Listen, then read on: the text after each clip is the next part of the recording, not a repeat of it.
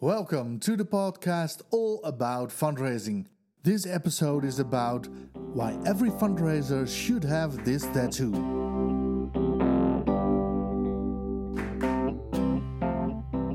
A very warm welcome to the podcast all about fundraising.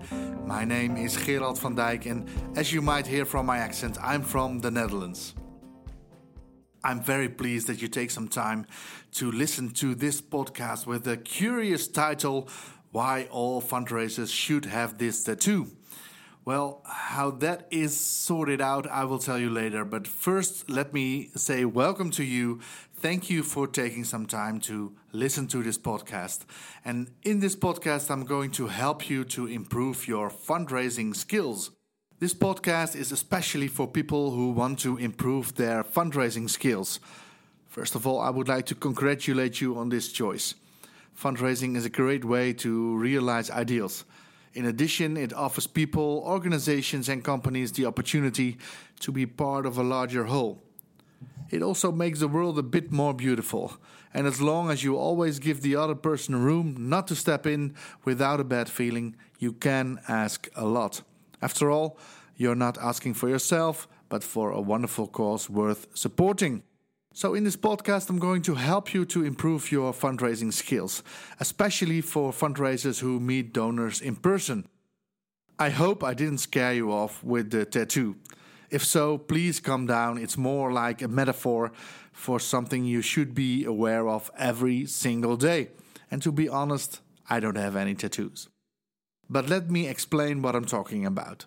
This is all about four principles who will change your fundraising.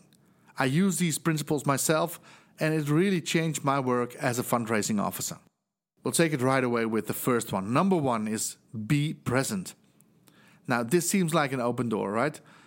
But if you are fully self aware, you might experience yourself distracted in a conversation with your kid or partner, with a coworker or volunteer, or even worse, with a major donor.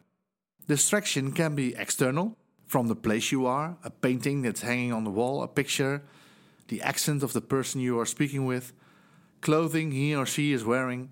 There can be a lot of distractions to make you not fully present in the conversation.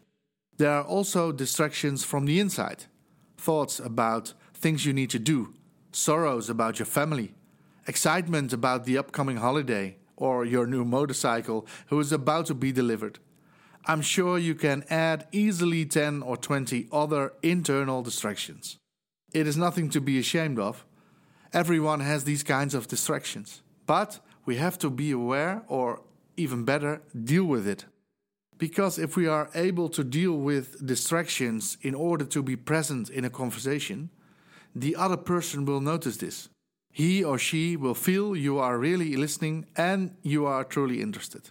And these are very important elements to build a relationship. As I mentioned very often in trainings and workshops, people give to charities they know, like, and trust. And the moment you are in a conversation about giving, you represent the organization. When they think about giving or not, it is you they see in their heads. So, your presence in the conversation determines a lot in if the potential donor is going to give or not. Number two, other oriented. When you speak to donors or potential donors, it's not about you. It is even not about your organization or the mission or the project. This may seem a little odd to you, since your job is to raise money for this wonderful cause you are working for. That is true, but that's the outcome. In the first place, it's all about them. What kind of person is he or she? To make it a bit easier for myself, I will talk further about her and she. But of course, this can also be a man, so you can also fill in he or him. What does her life look like? Is she married? Does she have children or a pet? Does she live downtown or in the country? Does she work or used to work? And if so, what kind of work? What does she like about her work? What is important for her in life? Is he a spiritual person? And I could go on and on with examples of questions to get an image of who this donor or potential donor is. And answers to these questions give you information about what might be interesting for this person and what is not. If you are talking about yourself and your organizations or projects, you won't get this important information. And if you come up with a proposal that doesn't fit with the interests of this person, you leave empty handed. In an average conversation, it should be 70 till 80% of the time about the donor. Remember this. It will help you to present better proposals who will meet the interests of the donor. It will give you also another important benefit. If you made a bad assumption about the project she might be interested in, you create space to withdraw the proposal you had prepared.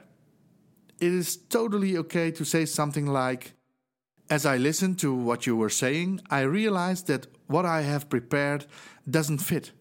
Is it okay that I go first back to the office to work out a proposal that meets the things you just mentioned to me. And make sure then you summarize these things while you are there so you can check if you are right on this. And also be very clear when you will send your proposal and how. I will send this proposal next Monday to you after I have spoken to our head of programs. Would you like to receive it in hard copy or by mail? Okay, we are halfway. Thank you for staying tuned to this episode about four principles who will change your fundraising. Number one was be present, and number two, we just discussed, is other oriented. So that brings us to number three always encouraging. What, you might think? How does this help to improve my fundraising? I'm not a psychologist. Try it. I would like to challenge you to have a little experiment in your conversations with donors. First, have 10 conversations the way you already do. Keep a record of how these conversations went. How was the atmosphere? How long did the conversation last? Did these conversations lead to donations? How many? How big? Etc. It's important to keep this record, otherwise, it's hard to compare. Now, you also have 10 conversations with comparable donors, and you start to encourage them by acknowledging what they do about personal competences or character, by listening to their issues and troubles and encouraging them to hold on, and showing appreciation in how they are dealing with these problems. It's very important to be sincere in this, otherwise, it will feel dissembling and you will reach the opposite of what you want to achieve. So, make it your own to encourage people in a natural way. I bet your record will show off the difference in the first conversations and then the next 10. At first, it might feel a bit artificial, but you can make this a natural behavior for yourself. This will not only benefit your fundraising, but your whole life. Your partner will notice this, your children, neighbors, friends, and relatives, because it will change you. And people will love to be around you more and more. And then the final and fourth principle is think positive. This principle is not the same as the third one, always encourage, but it's quite next to it. Thinking positive is a blessing for yourself in the first place. It helps you to see or find possibilities, even in tough situations. One very important thing that separates us from animals is that we can think ahead. We can dream of a better future. And let's be honest, that is often the fuel that keeps us going. Especially in tough situations, hope is to get out of it and essential to keep going. So we can dream of a better future. And as a fundraiser, this is the most important part of your work. Draw a picture of a situation in which a specific issue is solved, or at least the negative impact is decreased. But you have to think positive to be able to draw this picture to a donor. If you don't believe it's possible, how will they believe it? Of course, we all have our good and our bad days, because we are humans and not every day is the same.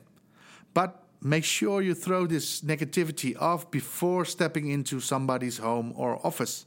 They will sense it and it will affect your conversation. Even if you have heard multiple times no today, think positive. Statistically, you are closer to a yes. Every conversation is an opportunity, and don't waste it because you feel bad. It's okay to have someone to share your feelings with your husband, wife, brother, or friend, but not your donor. And remember, it's not about you. Even when you're on a phone, think positive, and smile. This will affect the conversation in a positive way. So let me summarize the four principles for you real quick. 1. Be present. 2. Other oriented. 3. Always encourage. And 4. Think positive. So, if you put the first letters of these four principles together, you get the word boat. B O A T. And as a sailor, that really appeals to me. I will never forget boat. And almost every day, there's a moment I see this mnemonic in my mind. And if you have troubles remembering this, you could consider a tattoo. I myself thought about it for some time. To have a tattoo of boat, but then written in Hebrew, because it's the language of the Old Testament in the Bible. And as a believer in Jesus, these principles uh, meet my personal values in religion, life, and work. But at the end, I chose a picture of boat in Hebrew letters to put on my desk in my office. So choose any form that suits you, but I do hope you will never forget these four letters. I'm sure it will improve the quality of your conversations and relationships as fundraiser, but also in life. Thank you so much for listening to this episode. I hope you enjoyed it. If so, please rate this podcast at your favorite platform so others will find it too. If you have any questions about these four principles to increase your fundraising or other questions about fundraising, please feel free to send me an email. You can send it to podcast at grantiou.nl. Podcast at grantiou.nl. And that is spelled G R A N T I O U. I wish you joy and success with your fundraising, and hopefully, till the next time.